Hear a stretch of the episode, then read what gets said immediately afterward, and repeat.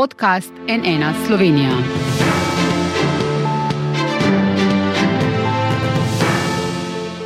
Dobar dan, to je NN studio. Težke razmere v zdravstvu in njihovo reševanje je med prioritetami vsake vlade.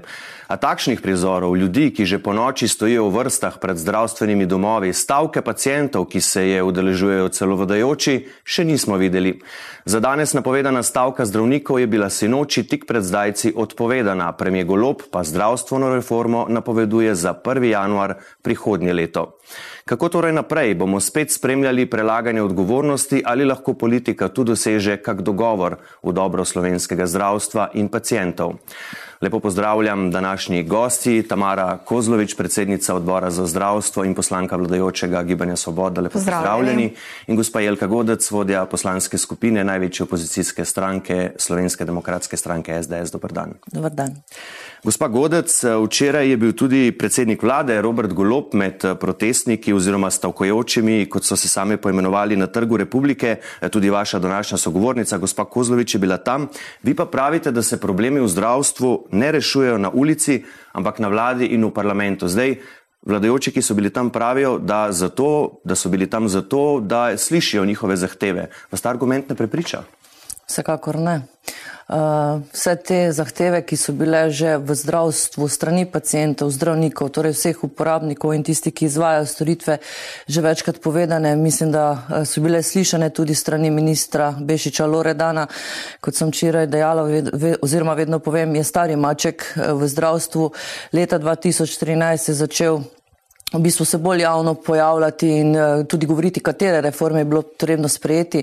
Spomnite se, bil je tudi na ulici leta 2018, mislim, da 2018-2017, ko je zahteval odstop takratne ministrice Kolar Celarc, predstavil cel program reform uh, in uh, sedanja koalicija je verjetno to vedela, slišala oziroma pozna te probleme v zdravstvu tudi z, bom rekla, z reformo, najavo reforme, kaj je potrebno storiti v zdravstvu, so dobili volitve, imajo mislim, da 53 glasov v državnem zboru imajo po besedah ministra najboljšega predsednika vlade.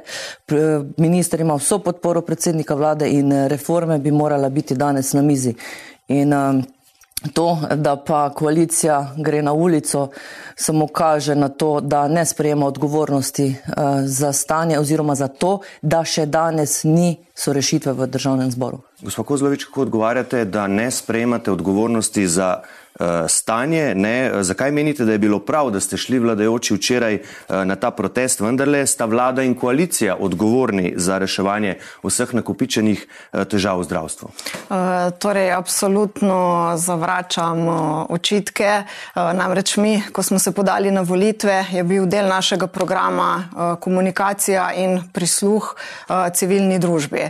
Zato je prav, da smo jih včeraj na Trgu republike tudi prisluhnili. Zdaj nekoliko nenavadno je uh, poslušati, um, kako nismo čez noč rešili nakupičene težave, ki vemo, da, so, da se na nje upozarja že desetletja v Sloveniji uh, in če jih pred nami niso mogli rešiti čez noč, je res uh, absurdno, uh, da se to od nas pričakuje. Uh, zdaj zagotovo smo, uh, se je minister, kot je že uh, kolegica dejala, uh, opozarjal izziv, na izzive v zdravstvu, uh, vendar ni bil na ministrstvo ni razpolagal z vsemi podatki, ni razpolagal z vsemi gradivi, kar recimo uh, moja predhodnica uh, je. Uh, in ne na zadnje 13. maja, ko smo nastopili mandat, smo v državni zbor uh, dobili več kot 30 uh, zakonov uh, in novel. Uh, o zdravstvu jih je bilo bore malo. Uh, se sprašujem, če so že vedeli oni za vse te težave, zakaj morda niso 13. maja vložili res kakšen zakon, eh, ki bi mogoče odgovarjal na izzive, ki smo jim danes priča. Ampak ne glede na to, eh, z v zadnjih desetletjih se je pokazalo, da politika, ki so je vodilo zadnjih let, ni dovolj učinkovita, vsaj v zdravstvu ne. Zato menim, da je potrebno politiko spremeniti. Ne kazati s prstom, ne si učitati, ampak res sesti za skupno miso. Tukaj se strinjam z gospod kolegico Godec. Se je treba pogovarjati in najti rešitve na vse izzive. In samo z dogovorom in pogovorom, ne z izrednimi sejami, kjer se nabiramo samo politične točke in gre v bistvu kot neke vrste skoraj za uh, šov v nevednicah, ampak za zaprtimi vrati, za iskrenimi nameni in za konkretnimi rešitvami. K temu še pridemo, boste tudi gospa Godec lahko odgovorili, ampak tole me zanima gospa Kozlovič. Ne? Ministr Bešič Loredan, ko še ni bil minister, je protestiral, zdaj pa za tiste, ki protestirajo, govori, da so ekstremisti, da kričijo na ulicah. To smo tudi, tudi jaz sem bil tam, sem slišal, ne, da, da so to veliko krat omenili, ne, češ cinično, sarkastično, smo pa ekstremisti. Vi ste bili tam, je šlo za ekstremizem ali ne? Ne, absolutno. Protest je potekal zelo v redu. Torej, mi smo z veseljem prisluhnili zahtevam civilne inicijative Glas, Glas ljudstva, da jih bomo lažje razumeli.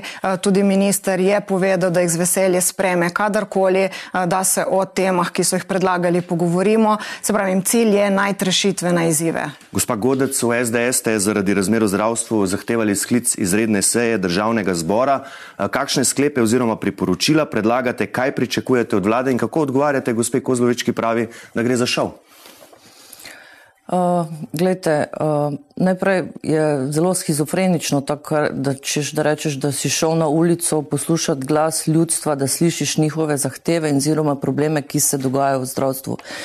Jaz upam, da opozicija oziroma koalicija sliši ljudi, ki nimajo osebnega zdravnika, da slišijo ljudi, ki stojijo zunaj pred zdravstvenimi domovi, da slišijo zdravnike, ki govorijo o izgorelosti, da slišijo zdravnika, ki leži doma en mesec, ker je izgorel, da slišijo mlade zdravnike, ki nimajo neke perspektive, ki slišijo tiste, ki zahtevajo večje število upisa na medicinsko fakulteto, da slišijo tiste, ki želijo boljše upravljanje javnih zdravstvenih domov in, zdrav in bolnišnic in tako naprej. In sklic izredne seje v državnem zboru, ki smo jo mi zahtevali včeraj, ne gre za šov. Če bodo v koaliciji obravnavali zahteve, ki smo jih dali priporočila, jih bom povedala, kot šov in PR-ovski nastop, potem se res ne moremo pogovarjati o ničemer. Namreč mi menimo, da na ulici ne bomo reševali zadeve, ne moremo je na ulici reševati in da se sprejemajo priporočila zakonodaje v državnem zboru in seveda tudi na vladi. In naša priporočila so nekako zajeta v treh točkah, da se nazaj spostavi oziroma da takoj vlada pripravi ponovno spremembo zakona o javnem naročanju in uvede ponovno referenčne cene, ki smo jo v času naše vlade naredili, pa je bilo to prva točka ministrstva ukinitev referenčnih cen v zdravstvu, to je bila prva točka, ukinitev referenčnih cen in urada. In danes eh, seveda vprašanje, kako stvari sploh na uradu za kakovost potekajo. Mimo grede, gospod Šabeder je bivši minister in imel vse podatke tudi o stanju v zdravstvu, tako da ta izgovor ne drži. To je ena stvar. Druga stvar je, eh, da se prisluhne vsem tistim v javnem sektorju, ki želijo imeti rekla, ali svoj stebr v eh, sedanjem plačnem sistemu ali pa izstop iz sedanjega tako imenovanega enotnega plačnega sistema, ki v bistvu ni več enoten, ker vidimo, kako se ruši čiri napoved 600 evrov plusa v, za tožilce. Glejte, to je čisto rušenje enotnega plačnega sistema. Torej, uh, izstop uh, iz plačnega sistema za tiste, seveda, ki želijo, ali pa svoj stebr v, v trenutnem obstoječem zakonodaji. Uh, tretji pa je, da se takoj uh, kratkoročno sprejme interventni zakon, uh, ki bo vključeval vse resurse, v zdravstvu za, torej za reševanje tudi tistih, ki danes nimajo osebnega zdravnika oziroma za skraševanje čakalnih dob. In pa da se opredeli tudi program za sistemsko vračanje tistih zdravstvenih delavcev, ki so zaradi neurejenih razmer v Sloveniji različne so bile to, torej vzroki odšli v tujino. Se pa tega, kar ste našteli, vsaj enega dela ni dalo urediti v mandatu 2020 do 2022, ko ste bili na oblasti, ali ni bilo potrebe potem? Ne, eh, lahko rečem tole. Prvo, urad eh, za eh, referenčne cene je bil ustanovljen, je deloval. Prvo, kar je bilo, ga je ta vlada ukinala. Bilo je tudi zakon o spremembah javnem naročanju, je bilo narejeno. Torej, to je bil sprejeti zakon in je določal referenčne cene.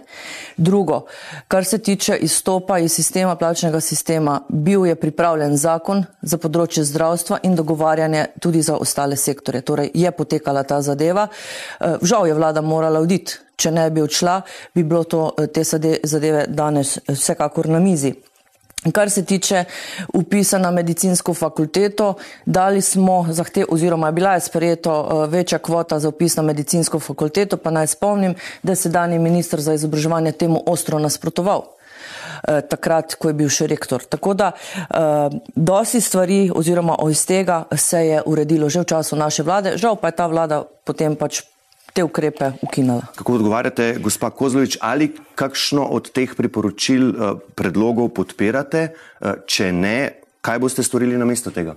Uh, torej v bistvu uh, sem, moram povedati, da sem zadovoljna, zato ker mi tako kot oni uh, slišimo vse, kar pravijo in mladi zdravniki, in družinski zdravniki, razni zdravstveni uh, domovi in tako naprej. Torej, tudi mi vemo za te evidentirane probleme, ki, kot sem že uvodoma povedala, niso od danes, niso od včeraj, ampak se na nje upozarja že desetletja. Uh, zato je še toliko bolj pomembno, ker obojni vidimo skupne probleme, da si Gospa Jelka, pomagamo. Uh, vi ste v zdravstvu delali, vsaj tako so mi povedali, uh, veliko let, uh, nekateri so vas tudi zelo hvalili. Na zdravstvu, da, v zdravstvu nisem nikoli delal. No, pomagala. V, v zdravstvu v nisem nikoli delala. Okay. Ste pokrivala področje zdravstva, no kakorkoli.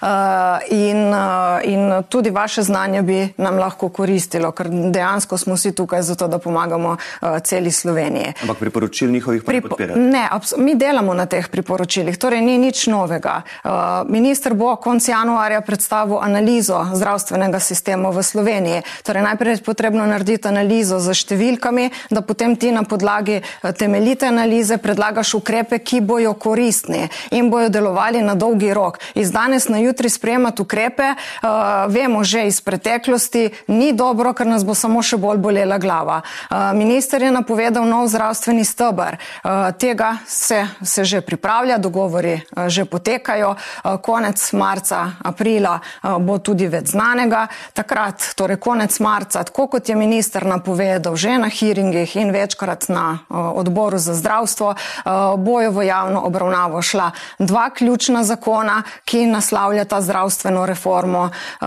torej zakon o zdravstvenem varstvu in zakon o zdravstveni dejavnosti. Eh, tako da tukaj eh, smo naredili velik korak, bomo naredili velik korak in pomembno je, ko bosta dva zakona od zunaj, da se odkrito v širšem konsenzu, v širšem krogu o novi zdravstveni reformi pogovorimo, jo izboljšamo, torej oba zakonodajna predloga temeljito izboljšamo, temeljito proučimo in nastavimo vsi skupaj zdravstveno reformo, ki bo funkcionirala na dolgi rok. Kdaj pa bosta ta dva zakona? Zakona zunaj, imate že to časovnico? Uh, torej, predlog uh, računamo, da bo minister predstavil tako, kot je napovedal, to je uh, konc marca z, uh, in oziroma aprila. Kaj pa koalicijski vrh, ki so ga zahtevali uh, socialni demokrati, torej vaš koalicijski partner, uh, ki bo prihodnji teden uh, razširjeni uh, obliki, o čem se boste dogovorili tam, o bolj točni časovnici, kaj pričakujemo kot izplen tega, tega vrha? Ja, zagotovo uh, bo govora o podrobnejši časovnici. Eh, predvsem pa bomo se seznanili z analizo zdravstva. Eh, minister nam je zagotovil, da bo predstavil tudi predlog, eh, v katero smer bi šla lahko zdravstvena reforma, torej kako preoblikovati Zavod za zdravstveno zavarovanje Slovenije. In v okviru tega se bomo koalicijski partnerji pogovorili in na to z javnost seznanili o tej analizi in povabili javnost, da tudi oni sodelujejo pri oblikovanju nove zdravstvene reforme. Ki ponavljam, uh, absolutno tudi, uh, ko bo to predstavljeno, bo seveda, seveda tudi uh, opoziciji predstavljeno. Kaj pričakujete od tega, gospa Gondec? Glede, jaz mislim, da smo vsaj tudi s temi priporočili v opoziciji pokazali, da smo konstruktivna opozicija in da želimo sodelovati pri tej oziroma pri reformi zdravstva, kot jo imenujejo v koaliciji. Sicer premijer napoveduje to s 1. januar 2024, zdaj se govori sicer že z marcom in aprilom letošnjega leta. Uh, Analize so znane, jaz mislim, da bi to, ampak gledajte, seveda, brez problema, če bodo uh, konstruktivne eh, zadeve prišle oziroma če bodo predlogi takšni, ki menimo, da tudi sledijo našemu programu oziroma da se v njem vidimo, ni nobenega problema za eh, podporo. Eh, ampak eh, ne na način, da ko je zakon že v državnem zboru nas pokličejo in rečemo, gledajte, tole je in zdaj vzamete ali pa pustite. Mi pričakujemo seveda, da bomo, če že, že želijo sodelovati in jaz mislim, da se politika tu definitivno more poenotiti, potem je potrebno, da se o tem pogovarjamo veliko prej, predno je zakon v državnem zboru. Boste to naredili? Absolutno bomo to naredili, tako smo tudi napovedali, bi pa samo rada nekaj podarila. Zdravstvena reforma s 1.1.2024 seveda, ti ko spremeš zakon, ne moreš takoj jutri začneti izvajati spremembe, ki jih nek zakon predpisuje. Torej, vse organizacije rabijo nek določen čas, da se pripravijo na izvajanje, zato zakonski predlog v marcu, aprilu, potem, ko bo vsebinsko usklajen, bo šel skozi postopek v državni zbor in tukaj računamo uh, na širšo podporo vseh strank. Gospa Kozlovič, stavka zdravnikov, ki je bila za danes eh, napovedana, za danes je zdaj preklicana. Vlada in sindikat Fides sta s pomočjo medijacije dr. Komadine dosegla dogovor. Potrjen naj bi bil v četrtek na vladi, na to podpisan podrobnosti. Eh, še ne poznamo jih, poznate vi kot predsednica odbora za zdravstvo. V tem tednu ste sedeli tudi z ministrom za zdravstvo zdravje Bešičem Loredano? Uh, torej, uh, kar, kar jaz vem, je to, kar sem že povedala, uh, da bomo tudi skupaj s Fidesom uh, to nov zdravstveni steber sooblikovali, ampak ne pa samo z njimi, ampak tudi vsemi, ki v zdravstvenem sistemu delajo in bojo te del tega zdravstvenega stebra v okviru plačnega sistema. Menite, gospa Godec, da je vsaj ta, ta preklic stavke zdravnikov korak k umiritvi razmer, kako ocenjujete to? Glede, ne poznam sicer tako kot vi, ne, sicer kolegica ni razkrila kaj več, kot smo slišali iz medijev, kaj v bistvu je predmet podpisa. Bi pa rekla, da je dobro za, seveda za vse, da se stavka ne izvede, predvsem za bolnike, ki so naročeni na določene posege. Žalostno je to, da je zato potrebna medijacija med ministrom in pa sindikatom. Očitno bom rekla, obe dve strani ali pa vsaj ena vsekakor uh, potrebujeta to medijacijo. Uh, če uh, bo uh, to nadaljevanju prineslo seveda tisto, kar vsi želijo, uh, koliko poslušamo strani zdravstvenih delavcev, torej nov steber oziroma izstop iz plačnega sistema in ureditev vsaj tega dela, seveda ureditev plačne pomeni ureditev celotnega sistema, ampak le en del, uh, potem Jaz upam, da eh, se bodo stvari postavile na svoje mesto, predvsem, še enkrat podarjam, za stran bolnika, eh, ne pa toliko vseh ostalih. Gospa Godec, kako veliko odgovornost za te razmere, o katerih govorimo, pripisujete aktualnemu ministru za zdravje Danielu Bešiču eh, Loredanu, še tisti, ki ga sicer podpirajo, da nimo kirurg Erik Brecel sicer pravi, da ni odgovoren za to, ampak obenem tudi, da sploh še ni začel resneje z reševanjem vseh nakupičenih problemov. Ali že razmišljate o interpelaciji? Relaciji v SDS-u? Uh, glede, uh, tu se z dr. Breclem lahko strinjam, uh, da so bili poskusi v državnem zboru z dvema interventima zakonoma, ki naj bi reševala določene zadeve, ampak tam se je skazalo nekaj. Uh, in sicer, uh, sicer je to stvar koalicije, ampak da gre, tako kot je nekoč Bešič Loredan v času Milojke Kolar Celec rekel, da gre za interese Eh, koalicijske interese znotraj, torej znotraj koalicije za interese neke stranke. Uh, tam je namreč, jaz mislim, da je se podleglo najprej uh, levici, s tem, ko se pač ni odprl zdravstveni sistem za vse kadre. Da to reševanje je res počasno, glede na to, kakšne so bile napovedi, še enkrat, kakšne so bile napovedi pred volitvami, takoj po volitvah v državnem zboru na hearingu strani ministra. Če pa ste Verjetno pa ste vsi uh, spremljali novinarsko konferenco predsednika vlade, ministra Bešiča Loredana in župana Jankoviča, potem pa lahko tudi marsikaj jasno, zakaj se stvari ne spremljajo. K temu še pridemo, interpelacija, jo že pripravljate, da ne, razmišljate o tem, da ne? A veste, da o tem nikoli naprej ne govorimo. Uh mhm. -huh. Torej je možno, da jo tudi že pripravljate, tako sem razumel. Gospa... Ne, to so vaše, to so domneve, vaši zaključki. Moje domneve, da. Gospa Kozlovič, ali minister, ki se je moral ta teden kar dvakrat javno upravičiti ljubljanskemu županu Zoranu Jankoviču, potem pa odpovedati vse javne uh, nastope po tej novinarski konferenci, še uživa zaupanje uh, vaše stranke? Stranke, ste poslanka, ne na zadnje tudi generalna sekretarka Gibanja Svoboda. Ja, minister absolutno še vedno uživa naše zaupanje. Torej, minister se resnično trudi, noč in dan dela in jaz verjamem, da bojo končno sedaj videli tudi konkretni rezultati v obliki zakonodajnih predlogov. Rešitve ne pridejo čez noč. Če bi to bilo vse tako enostavno, danes se verjetno o tem ne bi pogovarjali, ker bi že prejšnje vlade vse te izzive rešile. Zdaj tudi jaz osebno ne vidim nič narobe v tem, če se vključi v razne pogove medijatorja.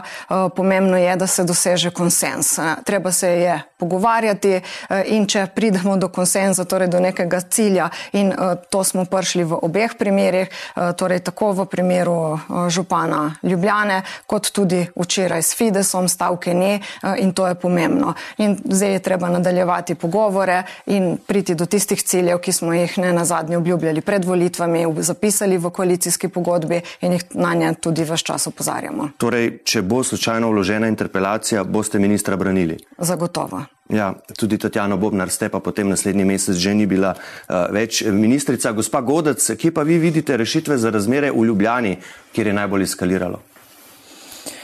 Uh, Jaz tukaj moram reči, da je večinska krivda na direktorju zdravstvenih domov, Eh, ker zakaj je v Ljubljani eskalirala ta zadeva, recimo nekje druge, ne vem, v Celju, v Mariboru, ne vem, pri nas v Šentjurju, teh problemov ni, ko iščeš nadomestnega oziroma novega družinskega zdravnika. Eh, potekajo stvari, jaz vem, da sem trikrat menjala zaradi upokojitve in tako naprej, osebnega zdravnika ni bilo nobenega problema. Protesti so bili včeraj v več krajih po Sloveniji. Uh, ne, ne mi govorimo zdaj o zdravstvenem domu, gremo, govorimo o tem, ne o protestih. Uh, tako da um, ker protesti so bili organizirani oziroma izvani, eh, tisto pa je bilo naravno po naravni poti. Torej, um, direktor zdravstvenega domova, eh, domov, eh, torej kako organizirajo zadeve, eh, drugo je seveda tudi ustanovitelj, ki so občine, tretje je pa tudi Ministrstvo za zdravje. Tudi ta krivda je tam, konec koncev število družinskih zdravnikov primankuje, kakšni so ukrepi, kakšni bodo ukrepi, da se poveča to število in da pač ne bo problema, ko dobiš obvestilo iz ZZS, sicer zelo ohlapno pis, mislim hladno, če še nimaš več zdravnika, poišči si novega, ne?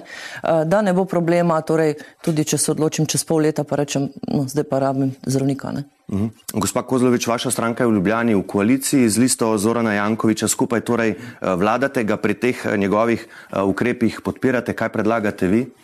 Torej, to, kar se je zgodilo v Ljubljani pred zdravstvenim domom, je zagotovo nedopustno in resnično v Gibanju Svoboda obžalujemo tako nehumano čakanje na osebnega zdravnika. Minister je takoj ukrepal, je na to upozoril, ampak se pravi, primarna raven se ureja na občinah, občine so ustanoviteljice zdravstvenih domov. Pa boste prenesli to na državno raven? Ali bo ostalo to? To je, stvar, to je stvar zdravstvene reforme, o katerem bo tekla zagotovo beseda in bo sigurno to tudi na dnevnem redu, kako bi bilo smiselno organizirati zdravstvo, da bo bolj učinkovito in na, ne, na nek način tudi centralno vodeno, da se bo vedelo, kje so pomankanja zdravnikov in tako naprej in se bo hitreje odreagiralo. Uh, jaz sem včeraj zasledila v bistvu dve novici, kar so me kar stresli. Eno je izjava varuha človekovih pravic, ki je omenil, da že desetletja opozarja na pomankanje družinskih zdravnikov.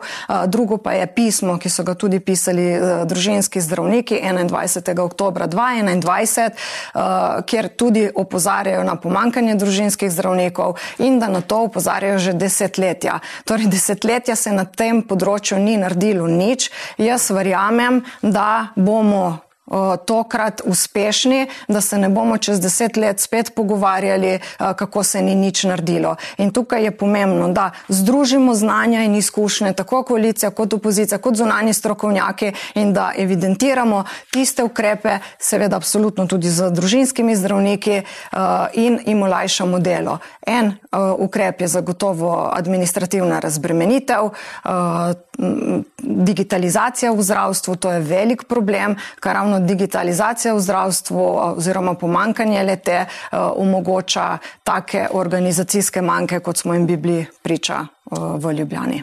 Gospa Godec? Ja, jaz se tu ne morem strinjati, da ni bilo narejeno nič na področju družinske medicine. Uh, verjetno ste spremljali protikoronske pakete in v dogovoru z družinskimi zdravniki je bilo tam tudi nagrada za specializacijo za družinsko medicino, kar se je izkazalo, da očitno ni to dovolj, ker še vedno na specializacijah od 35 eh, na nacionalnem razpisu še vedno ostaja, mislim, da več kot 20 nezasedenih mest, pa vendar so šli ponovno z, v tej vladi z istimi nagradami in tudi to ne pomaga. Torej, smo naredili nekaj, tudi v splošnem dogovoru smo glede na tiste, ki bodo sprejemali več kot glavarinski količnik, da dobijo nagrado, torej delovno uspešnost in ne kar poprek in ne 80 evrov na uro, če bodo delali neki ambulanti, ampak so razmerno z enotnim plačnim sistemom, ki ga moramo upoštevati ta zakon. Torej se ne moramo strinjati, da ni bilo narejeno nič. Koraki so bili narejeni. Je pa definitivno eh, res, da to ni od danes, eh, ampak je že nekaj časa, eh, da se na to upozarja, pa ne samo v družinski medicini, povsod in da so se specializacije razpisujejo na ministrstvu. To je treba vedeti in ne v zdravniški zbornici, torej na ministrstvu in da tukaj je velika stvar na ministrstvu. Vsekakor pa še enkrat to, kar kolegica Kozlovič nehno povdarja, jaz pričakujem, da bo v okviru izredne seje, kjer so naša priporočila, tudi kakšna stvar podprta in da ne bo rečeno, češ, vse tole smo pa že vse naredili oziroma bomo in tega ne podpiramo. Če se že dela in da se bo naredil, potem pričakujemo tudi podporo tem našim predlogom, ki mislim, da so na mesto in so tudi nastali po izkušnjah v dvoletnem prejšnjem mandatu. Pri koncu smo, uh, na kratko bi prosil obe, kaj lahko torej v tem letu 1. januarja 2024 eh, se obeta torej zdravstvena reforma. Kaj lahko zdaj v tem letu do takrat narediti skupaj? Se usedemo za skupno mizo, si izmenjamo mnenja, konstruktivno sodelujemo pri pripravi zdravstvene reforme, brez figu žepu, ampak res s ciljem, da se nastavi zadeve na ta način, da bo zdravstvena reforma sledila pacijentu, da, ne, da zmanjšamo čakalne vrste, da ustvarjamo boljše delovne pogoje, kar namreč pri, v pogovoru z zdravnikih ni samo plača tista, ki jih stimulira, da ostanejo v javnem zdravstvu, ampak tudi delovni pogoji, delovni odnosi eh, in tudi, kar je zelo pomembno, kar je vezano na organizacijo dela. In temu smo bili priča tudi v Ljubljani, eh, profesionalizacija zdravstvenih eh, domov oziroma torej zdravstvenih zavodov in kvalitetno vodenje leteh in nadzorovanje leteh. Ker ker če ni kvalitetnega vodenja, je potem organizacija dela takšna, kot jo vidimo danes. Se pa vaši pogledi uh, v marsičem na zdravstvo razlikujejo, predvsem v odnosu javno-zasebno zdravstvo in tako naprej. Gospa Godec, kaj lahko v tem letu naredite skupaj? Ja, predvsem to, kar je kolegica Kozlovičeva rekla, uh, jaz moram reči, da to so načrti zelo dolgoročni in ne kratkoročni. Kratkoročni je, da se takoj pripravi interventni zakon, ki bo uh, vključil vse uh, potrebne oziroma vse razpoložljive resurse v zdravstvu, da se ne bodo ponovile zadeve, kot so bile zdaj v zdravstvenem domu, da se ne ponavlja oziroma da se konec koncev vendarle izvršiti do tisto, kar je, so govorili 30 dni do specialista, torej vključiti vse resurse in to je brez fige v žepu, uh, brez teh, da Torej, kaj je javno in zasebno, ker jaz mislim, da danes se za tem, kar se dogaja v zdravstvu, v bistvu privatizira zdravstvo. In ne ohranja javno zdravstvo, ampak ga privatizirajo. Uh, določene stvari pa se lahko naredijo tudi brez zakonodaje, ker so pač podzakonski akti. Tako da, uh, seveda, še enkrat, mi smo se priporočili, pripravljeni sodelovati, smo povedali konstruktivno in tiste predloge, ki jih bodo prinesli, konec koncev so vendarle uh, njihovi glasovi v državnem zboru odločilni, podpreti. Moram pa reči, da jaz osebno in tudi naši stranki nikoli ne sedimo s figo v žepu, kadar se pogovarjamo o stvarih, ki so pomembne za državljane. Za konec samo še eno vprašanje za vas, gospa Godec, ste vodja poslanske skupine SDS. Vprašanje ni neposredno povezano z zdravstvom, ampak vendarle v tem tednu smo na NN razkrili oziroma uh, posredovali uh, sporočilo policije, ki je ugotovila, da pri napadu na vašega poslanca, gospoda Grimsa, oktobra lani, v katerem je ta prepoznal poskus umora, ni bilo fizičnega kontakta in zato je preiskavo suma storitve kaznjevega dejanja zaključila. On pravi in tudi vi, vaša poslanska, pravite, da gre za poskus relativizacije, ker gre za opozicijskega poslanca in da vse izjave, ki so bile podane v zvezi s tem dogodkom strani gospoda Grimsa in vas, držijo. Ali torej to pomeni, glede na to, da je gospod Grims rekel, da, bil, da ga je silovito odrinil ta gospod, da policija laže? Uh, nihče o tem ne govori, uh, govorimo o tem, tudi jaz uh, stojim za besedami kolega Grimsa, ki je opisal svoj napad na policiji, kako so potekale preiskave, to ne morem komentirati in ker niti ne poznam. Še enkrat stojimo za besedami, ki jih je izrekel oziroma ki smo jih mi izrekli. Povdarjam pa to, da ne gre samo za kolega Grimsa. Gre za to, eh, da se napada poslance, ne glede z katere politične stranke prihajajo. Kolega Grims je pač bil, eh, bom rekla, prva žrtev takšnega fizičnega napada in zato smo tudi sprožili v državnem zboru različne postopke oziroma eh, prošnje na kolegi predsednice drž državnega zbora, da se stvari vendarle uredijo. Žal zadeve stojijo, ne vemo, kdaj bo drugi na vrsti od poslancev, sicer pa kolega Grims ni bil prvi oziroma v smislu napada na poslanca. Da, to se je dogajalo že v prejšnjem mandatu, ko ste vi bili na oblasti in vsi to vrstni napadi so vsega obsojenja vredni. Še enkrat pa policija pravi, da fizičnega stika ni bilo. Bi morda še vi ob tem tukaj dodali? Ne, jaz bi sam dodala to, da absolutno v gibanju Svoboda smo proti vsakršnemu nasilju, ničelna toleranca do nasilja. Bi pa dodala to, da jaz vseeno kot poslanka se počutim čisto varno, zato sem tudi brez težav se včerajšnjih protestov oziroma stavke tudi udeležila. Spoštovani gosti, gospa Jelka Godec, gospa Tamara Kozlovič, najlepša hvala, da ste hvala bili vam. gosti NN Slovenija. Hvala. Hvala pa tudi vam za vašo pozornost. Vse v povezavi s tem, kar se dogaja v slovenskem zdravstvu, seveda sproti spremljamo in objavljamo na naši spletni strani nnainfo.si, studija pa le še lepo zdrav in nasvidenje.